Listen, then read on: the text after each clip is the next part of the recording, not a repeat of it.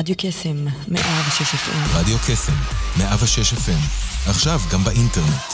כנסו לדף הפייסבוק שלנו ולחצו על הקישור עם תמונת הרדיו להאזנה. ניתן גם להאזין לנו בשידור חי על גבי ה-WW. אז למה אתם מחכים? תנו לנו בלייק. כנסו עכשיו.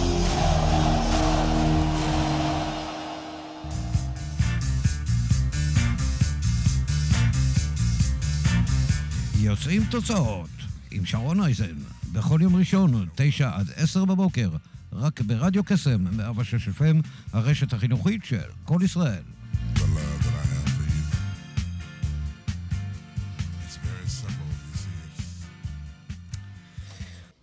בוקר טוב, אנחנו כאן 106 FM, הרשת החינוכית של כל ישראל, רדיו קסם, על הפן הטכני דותן ביבי, איתכם כאן בשידור כמדי שבוע, שרון אייזן.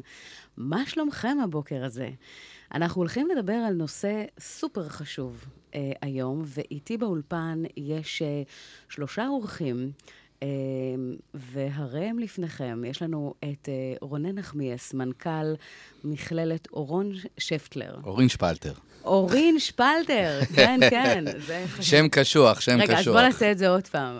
מנכ"ל מכללת אורין שפלטר, ליאת אה, ארמי, יועצת מס, מייסדת וראש תחום מיסוי המכללה לתכנון פרישה ופיננסים, ושירן טל, מנכ"לית המכללה לתכנון פרישה ולפיננסים. ואחרי כל הטייטלים המפוצצים האלה, אנחנו אה, נגיד בוקר טוב. בוקר טוב. בוקר אור. איזה יופי. אז uh, אנחנו הולכים לדבר באמת על נושא שהוא מאוד חשוב, שצריך uh, להיערך אליו. הרבה מאוד uh, אנשים, כמו שדיברנו ככה לפני שעלינו לשידור, דוחים את הקץ, כי זה מרגיש רחוק. Uh, ולא תמיד ככה עושים את הצעדים uh, בזמן. אז היום אנחנו הולכים לתת הרבה מאוד טיפים לגבי מה צריך לעשות, איך צריך להיערך, uh, ומה אמור uh, להיות uh, בפועל. אבל לפני שככה נצא לדרך, נתחיל בשיר שבחרה אה, ליאת. יש אה, סיבה ככה ל... תתארו לכם? כן, אה, מדובר בשיר שיש בו אה, אמירה שהיא חיובית, אבל הוא גם קצת עצוב. אה, תתארו לכם עולם יפה, פחות עצוב ממה שהוא ככה. אה, תתארו לכם קצת אושר.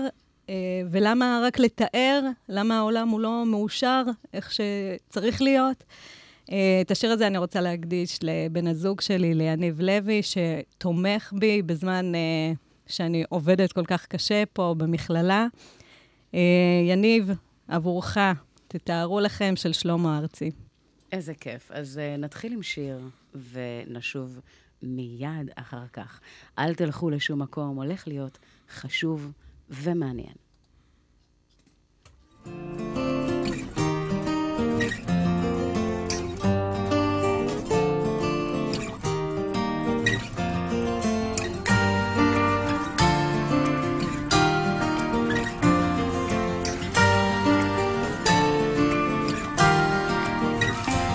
תתארו לכם עולם יפה, פחות עצוב ממשהו ככה, ואנחנו שם הולכים עם שמש בכיסים, ומעל גגות הכוכבים, והזמן עובר בלי פחד, ואני הולך לפגוש אותה בגן העדן. תתארו לכם קצת אושר, כי הוא כל כך, כל כך נדיר כאן, עיר מגניבה בתוך החושך. ושנינו בשמיכה, והיא מלטפת אותי ואומרת לי מחר יקרה מה שרצית, ועם לאט השתקפויות של עצם ושמחה. תתארו לכם באמצע יום יפה, שמיים עליכם, אהבה איתכם, כן ככה זה קרה.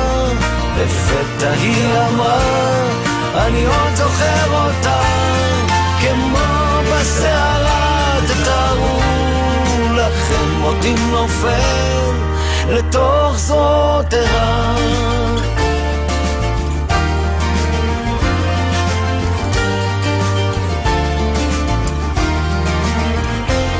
תתארו לכם עולם פשוט, חדר ללילה, בית בגשם, ריחות עצים מלאים בתות, ושנינו שיכורים, ניפרד אני אמות היא לוחשת וגועשת.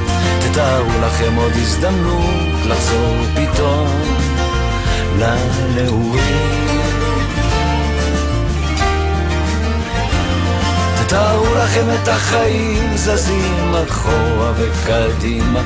מה שחסר שהוא מתמלא מה שהיה פתאום ישנו ואני מביט לתוך עיניה ונגנב בכוח פנימה. תתארו לכם אותנו מגשימים את כל החלומות. תתארו לכם באמצע יום יפה שמיים עליכם הערבה איתכם. כן ככה זה קרה לפתע היא אמרה אני עוד זוכר אותה כמו בסערה תתארו לכם מותי נופל לתוך זרועותיה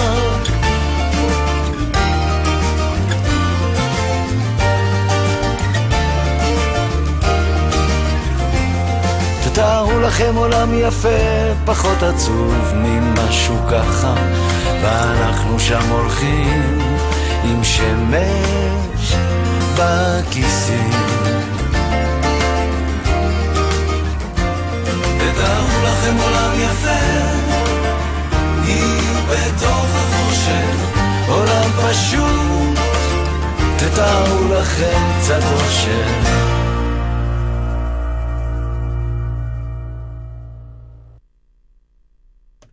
תתארו לכם עולם יפה, אז uh, ליאת, כמו שאת אומרת, לא רק לתאר, אלא, איך אומרים, wishful thinking, שמי ייתן וזה uh, יתממש.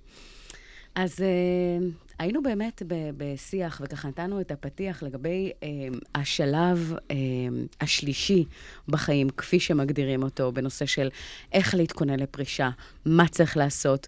Uh, אצל השכירים, אגב, זה מאוד מעניין, כי שכירים לא צריכים לעשות יותר מדי, זה באופן אוטומטי מופרש כחלק מהמשכורת, זה איזשהו משהו שהוא די מובנה. הבעיה היא יותר איפה שבאמת ככה אפשר לשים את, את האצבע, דווקא על החבר'ה העצמאים, אה, עסקים קטנים בעיקר, שמה שנקרא מנסים להתקיים, ולא תמיד, מה שנקרא, עוצרים את המרוץ ונערכים כמו שצריך באמת לשלב הזה של הפרישה. מה, מה יש לכם ככה באמת אה, להגיד בהקשר של מה יכולות או עשויות להיות המשמעויות במידה ולא לא מתכוננים... אה, למועד או ליום או לפרישה כמו שצריך. אה, אז שרון, קודם כל אני מסכים איתך לחלוטין שיש לנו באמת בעיה קשה עם חבר'ה שהם עצמאים קטנים בתחילת דרכם או במהלך uh, מתקדם של דרכם לגבי התוכניות קדימה. אבל זה לא רק אצלם, זה אצל כולנו לצערי, גם אצל השכירים. כלומר, נכון שהיום, משנת 2008 בעצם, יש חוק חובה להפרשה לפנסיה, אה, ועושים את זה באופן אוטומטי, אבל צריך לתת לזה, קודם כל, לפני שנדבר בכלל על הפרישה, צריך לשים דגש שגם כשאתה בן 25 ו-30 ומפרישים לך, כן. אתה צריך לבחור נכון. כלומר, okay. אוקיי. כמה שזה אוטומטי, צריך לבחור את המסלול הנכון, את המסלול שמתאים לך. לראות שזה באמת אה, התהליכים שיובילו אותך למקום הנכון. לראות שאתה חוסך מספיק, כי לפעמים כמה ששמים לך זה לא מספיק. אה, וכמובן, אה, אם נדבר על העצמאים, אה, בהחלט, בהחלט, בהחלט הם, כמה שהמדינה רוצה לעזור להם בקטע הזה, צריך לראות איך מחזקים את זה יותר. חד משמעית, אני יודעת שההקשר הזה, אבל אני רוצה רגע לסבר את האוזן, כי אני מאמינה שמי שמאזין, מי ששומע אותנו, אתה יודע, פתאום יש איזשהו משהו כזה או אחר, אז נוגעים בקרנות כאלה ואחרים, ו...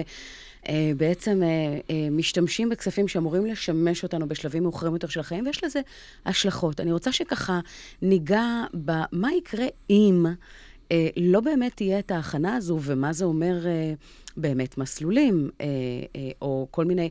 אני, אני באמת באמת חושבת שבהקשר הזה החינוך הוא לא מספיק, בוא נאמר, מושתת, ויש הרבה מאוד עבודה לעשות כדי באמת להביא את האינפורמציה הזו לכמה שיותר אנשים.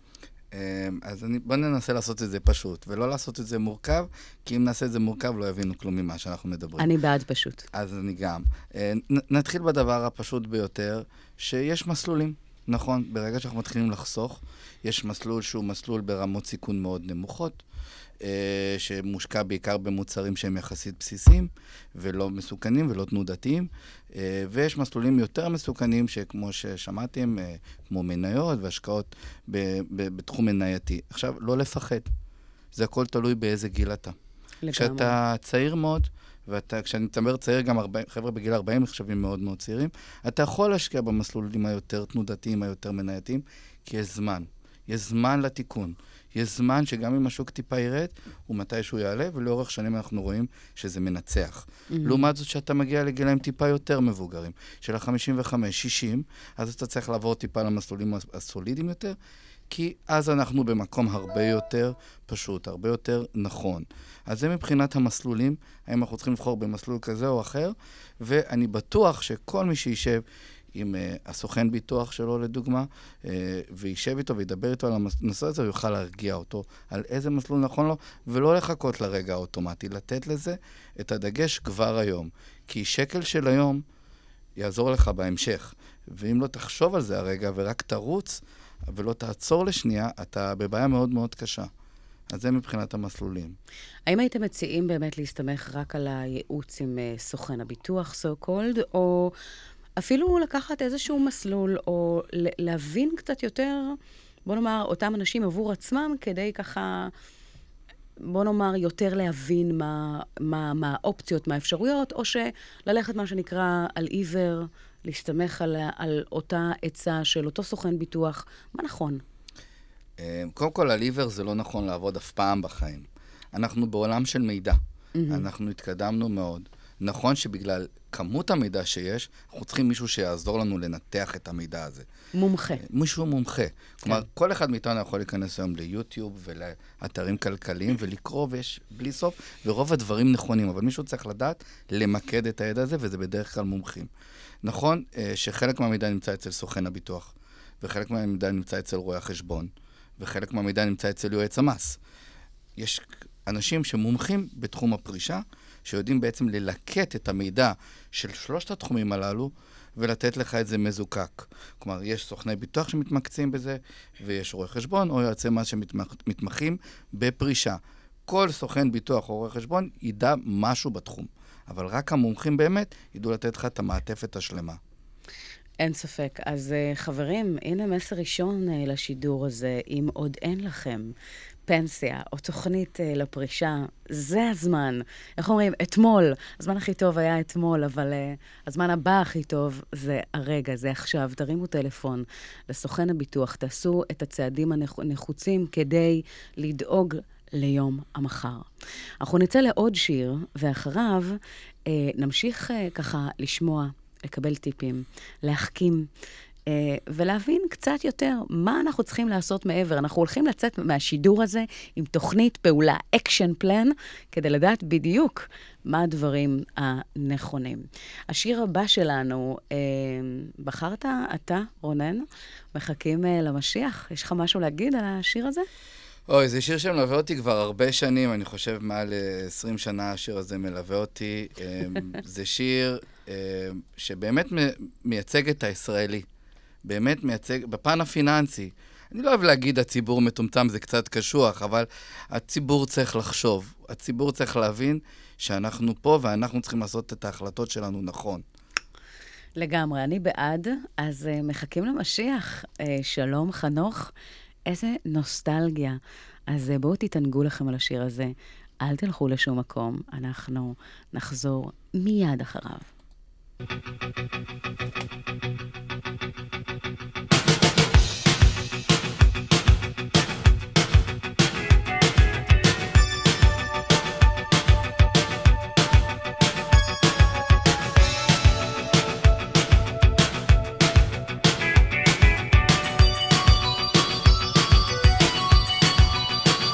יושבים שעות מחכים שמשיח יבוא משיח איש מפתח ידו בכל ויד כל בו ענן סמיך בירוחם ממצמץ בשפתיו. יהודה מסתכל בשעון ומפלבל בעיניו. משרד בצפון, ארציאלי ועם יועץ. אחר הצהריים ובחוץ העולם מתרוצץ. נוחת זמזם אומר, "אה, תביא לנו קפה. משיח לא בא.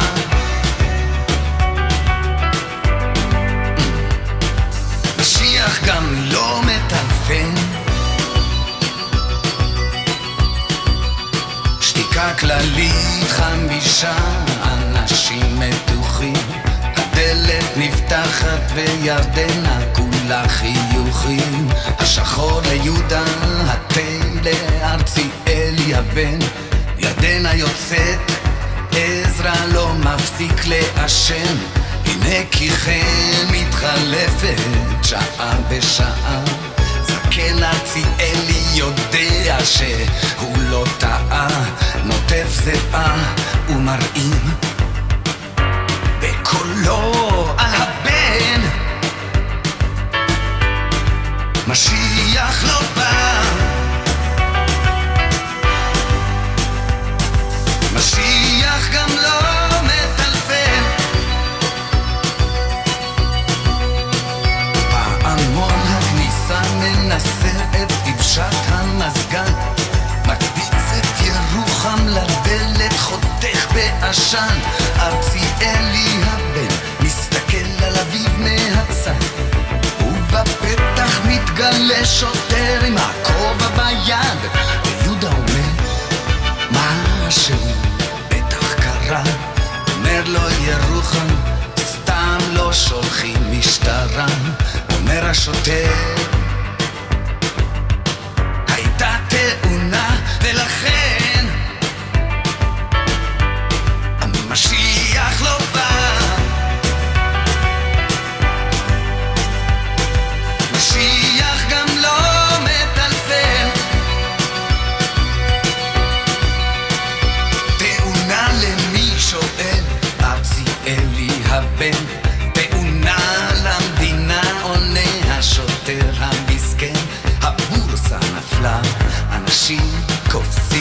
מהגג גם משיח קפץ והודיעו שהוא נהרג.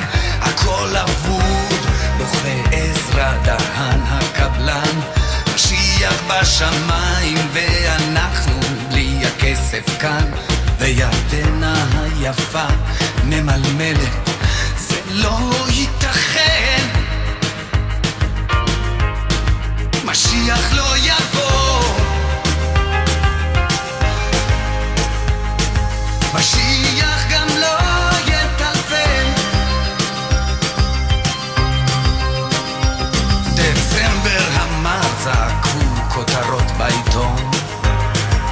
ושר האוצר נתן במבט ראיון הציבור מטומטם ולכן הציבור משלם. מה שבא בקלות באותה הקלות ייעלם. האזרח הקטן נאלץ לשלם בגדול. ואותי מעניינת ירדנה יותר מהכל. הולך למילואים. כן שאין. ומשיח לא בא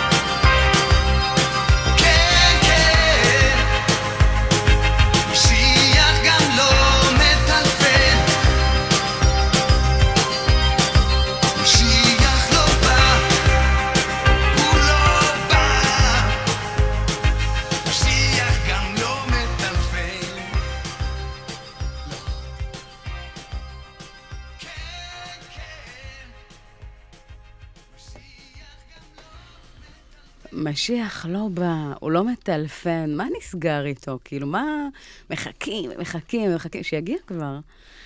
אה, זה בדיוק דיברת שבמהלך אה, באמת השירות הצבאי, השיר הזה ליווה אותך, ואין ספק שיש בו נוסטלגיה. אני חושבת עבור כל אחד יש פה איזושהי פינה בלב שמזכירה איזושהי תקופה. אבל uh, תשמעו, אנחנו נמשיך כי מסתבר שלפרישה לא מספיק רק לבחור את המסלול הנכון, ולא מספיק רק לדעת מה לעשות ואיך להתכוונן ובאיזה אופן. Uh, יש פה איזשהו, uh, uh, בוא נאמר, עולם מאוד מאוד משמעותי ומאוד משפיע. Uh, בוודאי ובוודאי uh, מוכר לכולם, הנושא הזה של המס, uh, המיסים שאנחנו מפרישים בכל שנות עבודתנו. איך הדבר הזה משתקף ובא לידי ביטוי באופן שבו אנחנו בעצם מכינים את עצמנו לפרישה? אני מניחה שיש באמת לא מעט טעויות שנעשות בתחום הזה. מה צריך באמת אה, לעשות ועל מה צריך לוודא? כדי שנדע שאנחנו אה, עושים אה, לביתנו באופן האופטימלי ביותר. לאט. טוב, אז רונן דיבר על הפן הפנסיוני, הפיננסי. אה, יש את הצד המיסוי, שזה חלק בלתי נפרד. אה, כשמגיע אליי פורש ויש לו כבר תלוש פנסיה ביד, הפנסיה, מתברר, תמוסה כמו משכורת. זאת אומרת, אני כן אשלם מס על הפנסיה שלי. אה, בגיל פרישה, אה, ישנם הטבות מס שאנחנו צריכים להכיר אותם ולדעת שהם קיימים. וזה הטבת מס של פטור על הפנסיה, זה אינדיבידואלי, כל אחד יש לו סכום פטור שונה. כי צריך תמיד לבדוק מה היו הטבות מיסויות שהוא ניצל בעבר, ולכן זה נושא שצריך ללמוד אותו. אה, יש אפשרות למשוך אה, פטור, אה, בפטור ממס כספי תגמולים. יש לא מעט כללי משיכה ותיקונים שצריך להכיר. במקום לשלם 35% מהסופי, אני יכולה להוציא את זה פטור לגמרי, בחלק מכללי המשיכה אפילו ללא מגבלת סכומים. אה, אלה חוקים, אה, מעלה אבק קוראים לזה, גם רואי החשבון לא כל כך בקיאים בהם, מכיוון שזה באמת נושאים שמעט מאוד מתעסקים בהם. אה, ולכן יש לי כבעלת עסק בתחום הזה, מעבר לזה שאני מרצה, שיתופי פעולה עם משרדים גדולים של רואי חשבון ויועצי מס, שהם פשוט הרימו ידיים ואמרו, זה תחום כל כך סבוך. אה, מיליון זרועות, אנחנו לא יכולים לעקוב אחרי כל העדכונים, ואנחנו רוצים איש מקצוע שמומחה בתחום הזה, ושהוא בעצם ייתן את הייעוץ המיסוי. אה, עכשיו, מעבר לגילאי פרישה, יש לנו כאן גם את עזיבות העבודה הרגילות. זאת אומרת, לא רק מי שמגיע אה, לגיל פרישה צריך את התכנון מיסוי הזה. גם בעזיבה רגילה בגיל 30, אה, אני צריך לדעת מה אני עושה עם הפיצויים שלי. האם אני רוצה למשוך אותם? האם אני רוצה להפוך את זה לפנסיה? שאלה, זה משהו שככה חשוב אה, אה, להבין אותו יותר לעומק, כי אני חושבת שבוא נאמר, אדם מן השורה לא בהכרח יודע שיש עולם, שיש עולם כזה, שיש דבר כזה, שצריך באמת אה, לתת את, ה, את החשיבה מראש והתכנון, גם, כמו שאמרנו, לבחירת מסלול נכון, ולהיערך לזה, כמו שצריך, ולא לתת לזה מה שנקרא, אה, להיות אה, שם אה, באיזשהו אה, מקום אפור או ברקע. אבל נשאלת השאלה, אדם שבאמת אה, נותן לזה את, המע... את המענה ועושה שם באמת את החשיבה, באיזה שלב צריך לבוא ובאמת אה, אה, לקבל את הייעוץ בהקשר של ההכוונה אה, של המס? האם, האם אה, בשלבים מוקדמים יותר כדי לדעת איך להתנהל, או האם ממש לקראת הפרישה כדי לראות איך אה, לעשות את זה בצורה נכונה? מה, מה באמת הטיימינג הנכון? אה, מבחינה פנסיונית, ורונן יוסיף על מה שאני אומרת, זה אה, ליווי מתמשך. מגיל מאוד צעיר, אה, אנחנו כבר צריכים להבין שכמו שהוא אמר, השקל הזה יעזור לי בעתיד. אני צריך להבין שאני אחיה כנראה מהפנסיה שלי, אלא אם כן אני בר מזל ויהיה לי גם הכנסות פסיביות מכל מיני מקורות. מבחינה מיסויית, כל עזיבת עבודה דורשת איזשהו ייעוץ. אז יש מקרים שהם פשוטים ויש מקרים שהם מאוד מורכבים. אני יכולה לומר לך שפורשי הייטק, לדוגמה, שיש להם אה, עזיבות עבודה כל שלוש שנים, מאוד צריכים את זה, יש להם המון כסף. אה, גם במזומן וגם בקופות, הם צריכים לדעת איך אה, להוציא אותו במינימום מס, ואיך לתכנן נכון את הפנסיה שלהם, ומה היתרונות וחסרונות בכל מסלול כזה. לדוגמה, לדוגמה, לקוח שפנה אליי, כאשר מתכנן אחר ביצע עבורו את התכנון פרישה, והוא אה, לקח את כספי הפיצויים ודרש עליהם רצף קצבה. רצף קצבה זה לומר, אני לוקח פיצויים ואני אהפוך את זה לפנסיה בעתיד. בשלב מסוים הוא רצה אה, לקנות דירה, והוא אה, ביקש אה, ממס. הכנסה למשוך רק 100 אלף שקלים מתוך אותם 500 אלף שקלים, ובמס הכנסה לא אפשרו את זה. למה? מכיוון ש...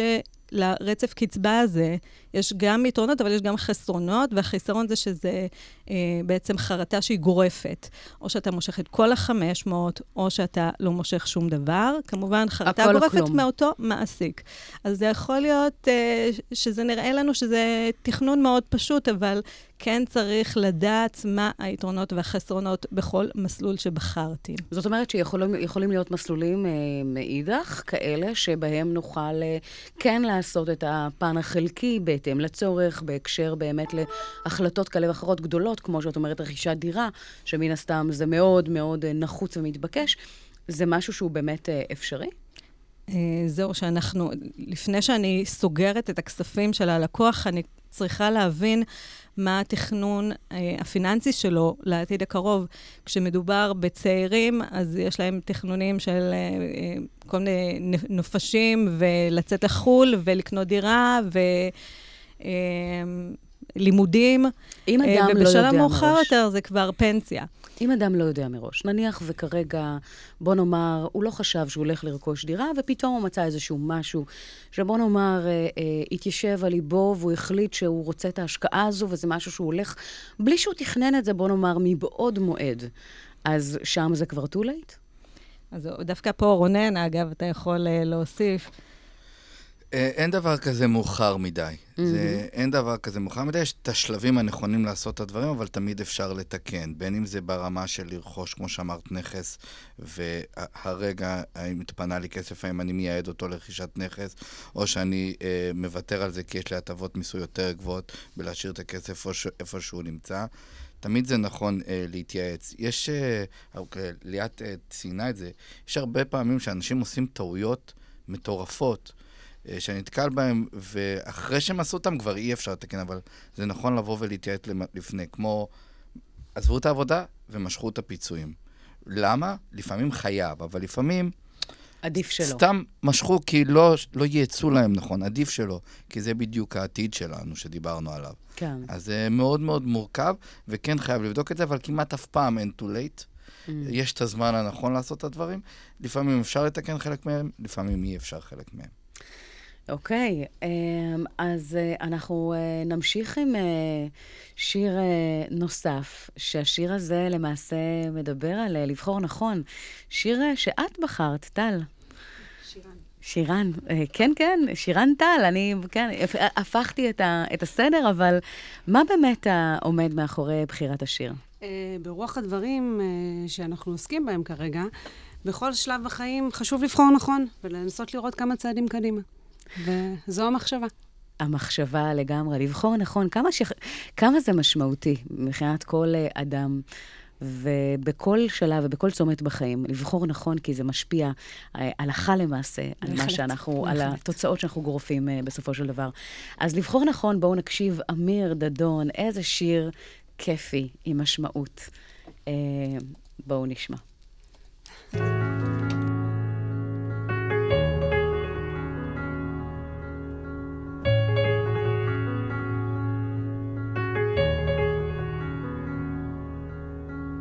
בסוף הכל מתנקז אליי, עניין של זוויות.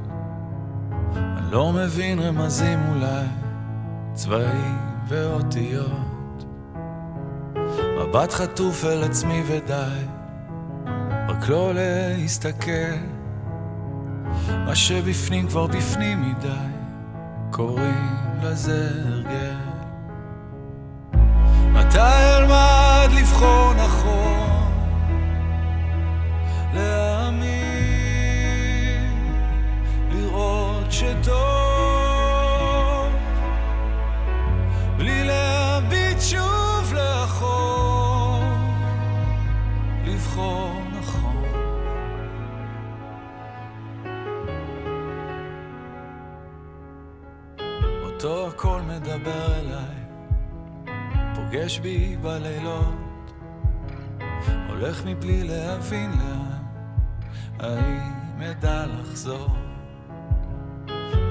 חטוף מסביב ודי, יותר כבר לא אפול.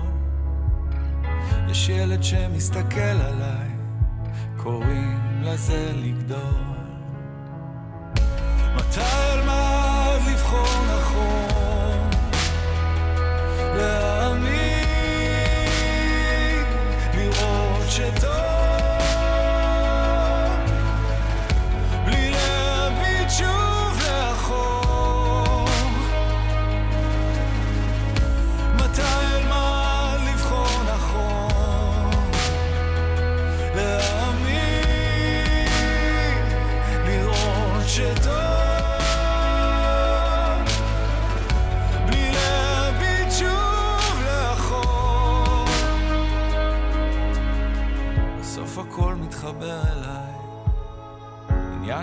חלומות. אם אתעורר בדיוק בזמן, אולי אוכל לזכור. אומרים יש מי ששומר עליי, נותן לי את הכוחות. עוד לא מצאתי תשובה, אבל קוראים לזה לחיות.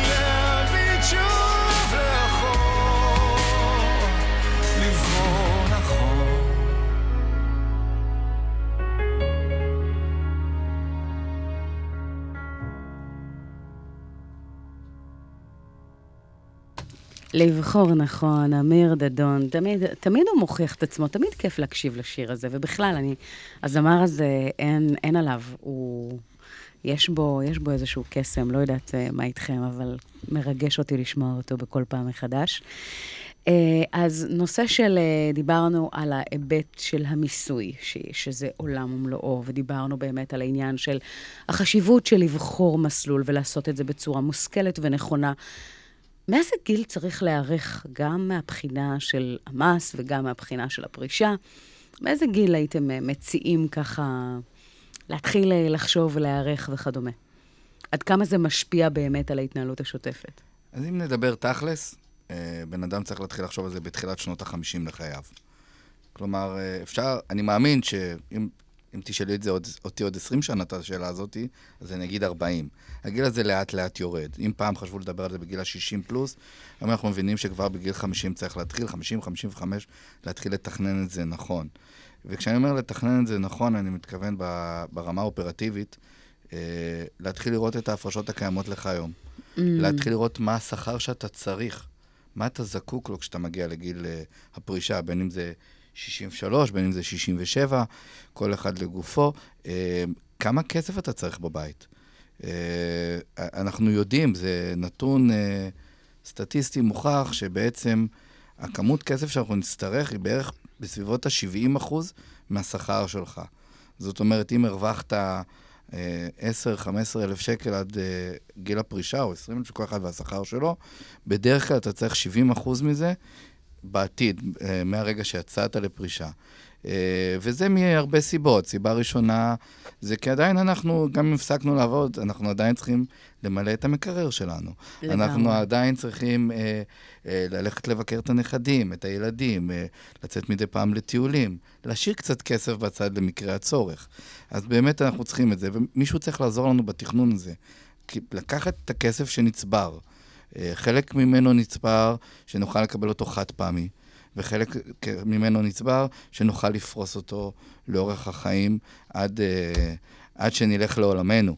אה, בשביל להזדקן בכבוד, כמו שאומרים. כן, חייב להזדקן. בכבוד. חייב להזדקן בכבוד. אי אפשר uh, להגיע למצב הזה שאני נעזר, אף אחד, אני חושב שכל הורה, הפחד הכי עיק- העיקרי שלו, שהוא יצטרך להיעזר בילדים שלו. הוא רוצה לעזור לילדים שלו, לא להיעזר נכון. בהם. ואם נחליט נכון, ונפקח את העיניים, בגיל ה-50, 55, ונלך, נהיה אקטיביים, ונגיע לאותו סוכן ביטוח, ונגיד לו, תקשיב, חביבתיק, אני צריך מישהו שילווה אותי. אני צריך שתסביר לי, בין אם אתה, אם אתה מומחה לתחום, או תארגן לי מישהו שמומחה בתחום הפרישה, אני חייב לתכנן את זה כבר היום. ולא לחכות לגיל 65, ש... ולהתעורר אז. ולהתעורר אז. כן, גם אז אפשר להציל דברים. כל זמן הוא נכון, אבל החלטת בזמן הנכון, שבגיל ה-50 פלוס, אתה תוכל לתכנן את זה בצורה טובה יותר, ותמיד אנחנו שומעים את ההערות העוקצניות האלה. גם ככה קשה במדינה, מה זה יעזור? גם ככה אין לי כלום, אין לי כסף, אז מה יתכננו לי? זה לא נכון. הרווחה שבעצם אנחנו רואים, אני רואה אצל לא מעט אנשים, אנשים שעבדו קשה כל החיים, ומחכים לכ- לכספי הפרישה כדי לנסוע לחו"ל, כדי לעשות איזשהו טיול גדול, כדי...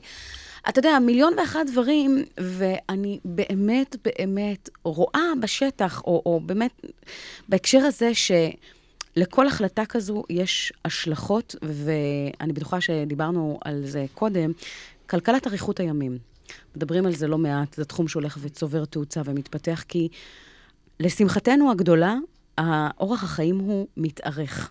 זאת אומרת, הוא לא נשאר, אה, אם פעם הוא היה, אה, בוא נאמר, אה, 80 שנה, היום אה, הוא יותר אה, מתקרב אה, ל-120, ויותר מדברים על זה שבשנת 2050, שימו לב, 2050, כם- האוכלוסייה שתהיה, אוכלוסיית המבוגרים, תהיה גדולה יותר בעולם מאשר האוכלוסייה של התינוקות שמגיעים לאוויר העולם שנולדים. זאת אומרת ש... אין ספק שהתוואי הזה משתנה, העולם כבר לא שייך לצעירים, החיים מתארחים, אנחנו צריכים להיערך לזה כלכלית, אנחנו צריכים להיערך לזה ברמה תרבותית, בכל, בכל אה, אה, אה, רמה אפשרית. מכאן נשאלת השאלה, איך אנחנו בעצם גוזרים, אנחנו לא, לא יכולים לנבא. זה בוודאי, אנחנו שואפים שזה יהיה כמה שיותר שנים, ושנזדקן בשיבה טובה, ושהכול יהיה נהדר ואופטימלי, אבל נשאלת השאלה, איך נערכים לדבר הזה מבחינת אורך הזמן, אה, או לפרק כמה שנים? כי אתה מדבר על 70 אחוז נכון. מסך ההכנסות. איך אנחנו יודעים אה, אה, באמת לעשות את האומדן הזה לגבי איך אנחנו מחלקים את העוגה הזו? האם עצמאים, לדוגמה, או שכירים, האם יש הבדל? האם אנחנו צריכים ל- ל- לקחת את הסכום כסף הזה ולהוציא את הכל מכיסנו?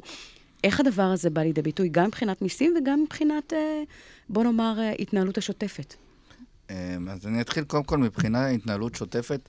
לאף אחד לא אחד לא קם בבוקר ופתאום יש לו שלוש מיליון שקל ויאללה בוא נפריש את זה לפנסיה וזה יממן את חיי. לא, זה מתחיל לנו כבר בגיל ה-20. לגמרי. אה, שבעצם אנחנו צריכים להתחיל להפריש. המדינה עשתה חכם ונכון, שמשנת 2008 הכריחה אותנו לפנסיה חובה. הכריחה אותנו, את המעסיקים שלנו, לפנסיה חובה, ומשם זה מתחיל אה, להצטבר.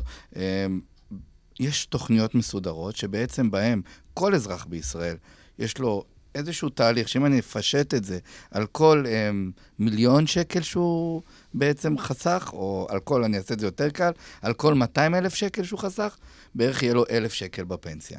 מהמם. זאת אומרת, אם הוא חסך מיליון שקל בפנסיה, אז יהיה לו הכנסה חודשית של בערך 5,000 שקל. אם הוא חסך 2 מיליון, אז יהיה לו 10,000.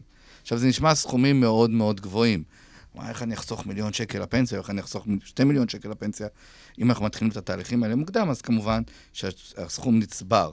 אז באמת אנחנו צריכים לחשוב על זה בכלל אצבע מאוד מאוד פשוט. אני צריך להתחיל לחסוך וכמה שיותר מהר. וכמה שאני אעשה את זה יותר נכון ונבון, אז זה, זה יתפתח לסכומים שאני צריך. עכשיו, זה חד וחלק גם לעצמאים וגם לשכירים. לעצמאים זה הרבה יותר קשה, כי כאילו הם מרגישים בבפנים, למה אני צריך את זה? אני עצמאי, אני, העסק שלי יתקדם, יצליח, ואז אני אחיה על ההצלחה שלו. בפועל, אנחנו זה, רואים אתה לא יודע ש... כמה אחוז מכלל העצמאים באמת עושים את ה... זו החשיבה, ולפי זה מתנהלים בשוטף, וזה אה, חוזר על עצמו בהמון מקרים ש... חלום שלי שזה יקרה. אני מלווה לא מעט עסקים צעירים, עסקים קטנים, אה, וזה לא תמיד הולך. לפעמים מצליחים לחיות בכבוד, אבל לא לעשות את האקזיט המטורף הזה של העשרות מיליונים. רובם, רובם, רוב העסקים מצליחים אולי לחיות, אבל לא באמת לחסוך לעת צרה. ואנחנו חייבים להבין שכעצמאים אנחנו כמו שכירים. ולא המעסיק יפריש, אנחנו נפריש לעצמנו. כי יהיה גיל שיהיה לנו יותר קשה, עסקים משתנים, החיים משתנים. אצל, ה, אצל השכירים יש איזשהו אה, אחוז מסוים שהחברה עצמה מפרישה. איך זה הולך אצל העצמאים? זאת אומרת, האם, האם הכל 100% מכיסם? כן. אה, קודם כל, אצל השכירים חלק מופרש על ידי המעסיק וחלק מופרש על ידי העובד. אבל זה מעוגן. אה, עד אה, לא מזמן זה היה פרוץ מאוד אצל עצמאים. עכשיו גם המדינה מכריחה עצמאים לחסוך. קשה לה לאכוף את זה, אבל כבר, כבר היום הם מבינים שעצמאים נשארים די ערומים בנושא הזה, אז גם כאן המדינה מכריחה לחסוך. הדרך שעושים את זה יותר קל לעצמאים, זה בעצם נותנים להם הטבות מיסוי בנושא. זאת אומרת שאם תחסוך לפנסיה, וכמה שיותר תחסוך לפנסיה, נמסה אותך פחות על הסכום הזה. ליאת תוכל לעזור לי קצת בנושא הזה. טוב, אז אה, מ-2017 יש לנו אה, חוק פנסיה חובה לעצמאים. זאת אומרת, מחייבים אותם אה, להפריש לעצמם, לקופות גמל כעמית עצמאי, שזה הפרשה רק של העצמאי עצמו. אה, מכיוון שאין פה את החלק של המעסיק, אז מעניקים פה הטבות מס. אז בגין הפקדה לקופת גמל כעמית עצמאי, העצמאי זכאי גם לניכוי וגם לזיכוי. ניכוי זה הוצאה, היא מקטינה את ההכנסה. זיכוי זה הכנסה. וזיכוי, זיכוי זה מקטין את המס. כן. אז אה, כל הזמן בשיעור אני מלמדת, אה, יש הבדל בין ניכוי לזיכוי. זאת אומרת שאנחנו משלמים פחות מס בגין אה, אותה... נכון, אז הוא משלם פחות מס, עדיין אין פה את ההפקדה של המעסיק, גם של הפיצויים וגם של התגמולים. אה, מ-2017, אגב, החוק קובע שאם אני עוזב, אה, אם אני בעצם סגרתי את העסק שלי, או שהגעתי לגיל פרישה, אני יכול להחליט שח... ששליש בערך מהסכום שנצבר, יראו אותו כמו פיצויים, ואני אוכל למשוך אותו באופן חד פעמי ולקבל אפילו פטור, כמו שכיר. אה, אני תמיד מציעה כן להפוך את זה לפנסיה.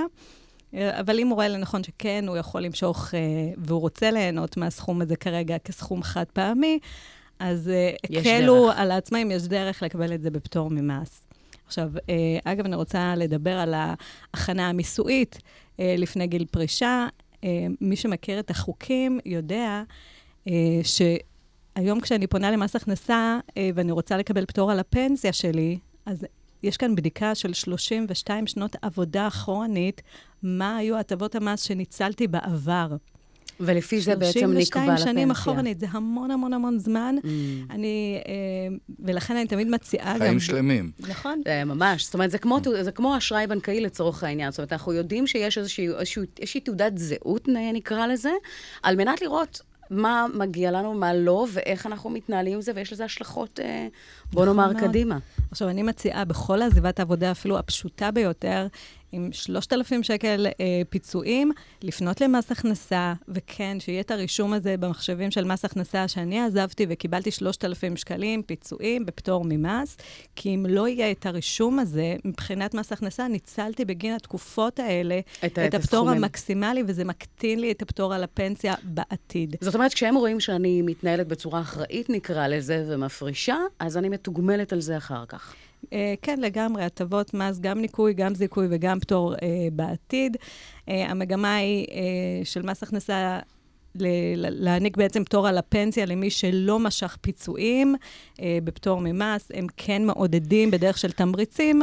תשאיר את הכספים לפנסיה. כמה זה חשוב. לפעמים זה מפתה, כי יש לנו כל מיני, בוא נאמר, גחמות, רצונות. אה, אה, חלומות, כל, כל הפן הזה שבעצם הדבר הזה מאוד מאוד קורץ, והרבה מאוד אנשים מתוך חוסר מודעות, אה, מה שנקרא, נופלים למלכודת ומקבלים את ההחלטות הלא נכונות, ומשם יש את ההשפעה קדימה ולהמשך. אנחנו אה, אה, כאן בשביל לסבר את האוזן, לקבל כלים ולהבין איך כן. אז מכאן אנחנו נצא לשיר שיש בו הרבה מאוד אופטימיות והרבה טוב. ואיך לא, דיוויד ברוזה עם uh, שירו המופלא, יהיה טוב, זה השיר הרביעי שנבחר, ככה מתוך איזושהי מגמה של, uh, אתם יודעים, לפעמים חוסר ידע uh, uh, עולה לנו המון. חוסר ידע בהקשר הזה, כשאנחנו לא יודעים איך להתנהל ואיך לחוות ומה לעשות, זה, uh, יש לזה תג מחיר. ולכן, אני מקווה מאוד שכשאתם שומעים אותנו הבוקר הזה, תקבלו החלטות, כבר כאן ועכשיו. להתנהל קצת אחרת, כדי שבהמשך יהיה טוב והרבה ממנו. אז בואו נקשיב.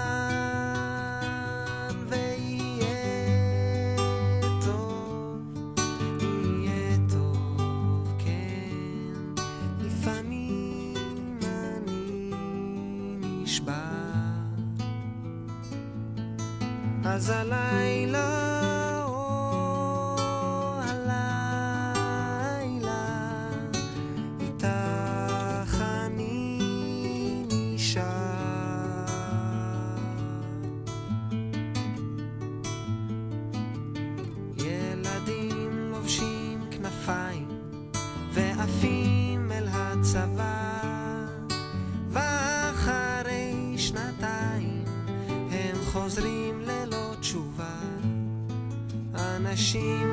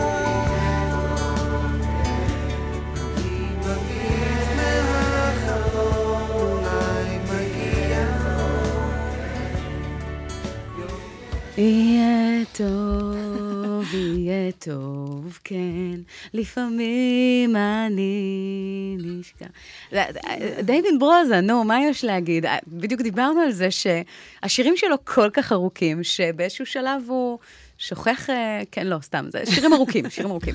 זה טוב, זה טוב לפעמים. דיוויד, אנחנו אוהבים אותך, לא, באמת, הש- השירים שלו עושים טוב בלב, היהיה טוב מאוד אופטימי, ואנחנו אה, אנחנו לגמרי שם, אנחנו לגמרי מכוונים לשם וחושבים את זה. אה, אז לקראת סיום, אני רוצה לדבר איתכם על חזון. אני רוצה לדבר איתכם על, באמת, מה, מה הראייה שלכם, כי בסופו של דבר, עשייה, שהיא עשייה עם נשמה, אה, יכולה לכלול בתוכה עולם ומלואו. ואני אשמח לשמוע מכם קצת על, ה, על החזון שלכם, קצת ככה על העשייה ומעבר. ואתם יודעים מה? גם אם רוצים למצוא אתכם, אז איך אפשר? אז ככה, אפרופו עשייה עם uh, נשמה. Uh, יש טיפה שליחות, ב, לא טיפה, המון שליחות במקצוע הזה שאנחנו מלמדים. כי אם אנחנו בעצם עוזרים בחינוך שוק ומעניקים לאנשי מקצוע טובים ככל שיהיו, רואי חשבון, יועצי מס, סוכני ביטוח, אה, בעצם את הכלים לתת מוצר נוסף שכל אזרח במדינת ישראל חייב שיהיה לו, לא כדאי שיהיה לו, חייב שיהיה לו. אה, אנחנו עושים מעשה שהוא אה, ללא ספק שליחות. לא במובן הציני של המילה, במובן העמוק. אה, באורין שפלטר, בעצם 70 כן, אחוז כן, מסוכני הביטוח, אה, 70 אחוז מעולם סוכני הביטוח מוכשרים אצלכם, נכון? אם אני מסתכל על זה, כמו שאמרת, הרבה אנשים צוחקים עליי שאני אומר את זה, אבל באמת אני רואה בעולם הזה סוג של שליחות. אה, לא רק בתחום הפרישה, אלא בעצם באנשים שנוגעים באנשים. אה. סוכני הביטוח ויועצי המס ורואי החשבון הם האנשים שנפגשים יום-יום עם הלקוחות בישראל. יום-יום מטפלים בהם. אנחנו צריכים לקחת את אותם אנשים, את אותם רואי חשבון, אותם יועצי מס, אותם סוכני ביטוח, להפוך אותם למקצועיים יותר. זה המטרה העיקרית שלנו היום באורין שפלטר. לקחת את הציבור הזה ולהפוך אותו למקצועי יותר, כדי שהוא יעזור ללקוחות שלו בצורה הטובה ביותר. לקחת את הידע שקיים ולזקק אותו ללקוח. זאת אומרת, אה, כל מי שבעצם חולם להתפתח, להיות מקצועי יותר, וככה להרוויח יותר, ולדאוג ללקוחות שלו, שיבוא אלינו אם הוא בתחומים האלה. זה לא מתאים לכל אחד כמובן להיות מתכנן פרישה. כל אחד צריך תכנון פרישה, אבל לא מתאים לכולם. אז זה בעצם המטרה שלנו. חבר'ה, אם אתם סוכני ביטוח, יועצים, רואי חשבון, זה המקום שלכם. מעולה. אז uh, אנחנו מדברים באמת על uh, איך לעשות טוב לכולנו, אפרופו השיר האחרון, והיות והזמן טס, הוא ממש טס כשנהנים. לנו. מילה uh, לסיום. Uh, ליאת, יש לך ככה איזשהו uh, מסר שהיית רוצה להשאיר ב- במשפט. מזמינה את כל אה, סוכני הביטוח, יועצים פנסיוניים, רואי חשבון, יועצי מס. בואו תלמדו את המקצוע החשוב הזה ותיתנו ללקוח שלכם ערך מוסף אדיר. אז uh, לגמרי. כלכלת uh, אריכות הימים, זוכרים? Uh, אנחנו בעצם uh, יודעים שכדי uh, לתת ערך וכדי לעשות את זה בצורה אופטימלית, חשוב באמת להתמקצע, להבין לאן העולם שלנו הולך, כי העולם שלנו הולך קדימה. שנת uh, 2050, אתם זוכרים, הקהל הבוגר יעלה במספרו מאשר מספר התינוקות שנולדים בעולם, וחשוב להיערך לזה. חברים, גם מבחינה כלכלית, גם מבחינה תרבותית, גם מבחינת uh, ה mindset ובכלל, ויש עוד, כאן הרבה מאוד עבודה. אני רוצה להגיד לכם תודה ענקית על זה שהייתם איתנו היום uh, בשידור הזה. תודה רבה לרונן נחמיאס, תודה רבה לליאת ארמי, תודה רבה לשירן טל, ותודה רבה לכם על זה שהייתם איתנו הבוקר הזה בשידור. עד כאן יוצרים תוצאות 106 FM, על הפן הטכני דותן ביבי, אה, ותודה רבה לכם שהייתם איתנו. אנחנו נתראה כאן בדיוק באותה השעה, יוצרים תוצאות עם שרון אייזן. שיהיה לכם המשך בוקר פשוט מבורך. תודה לך. תודה, תודה. תודה. תודה לכם.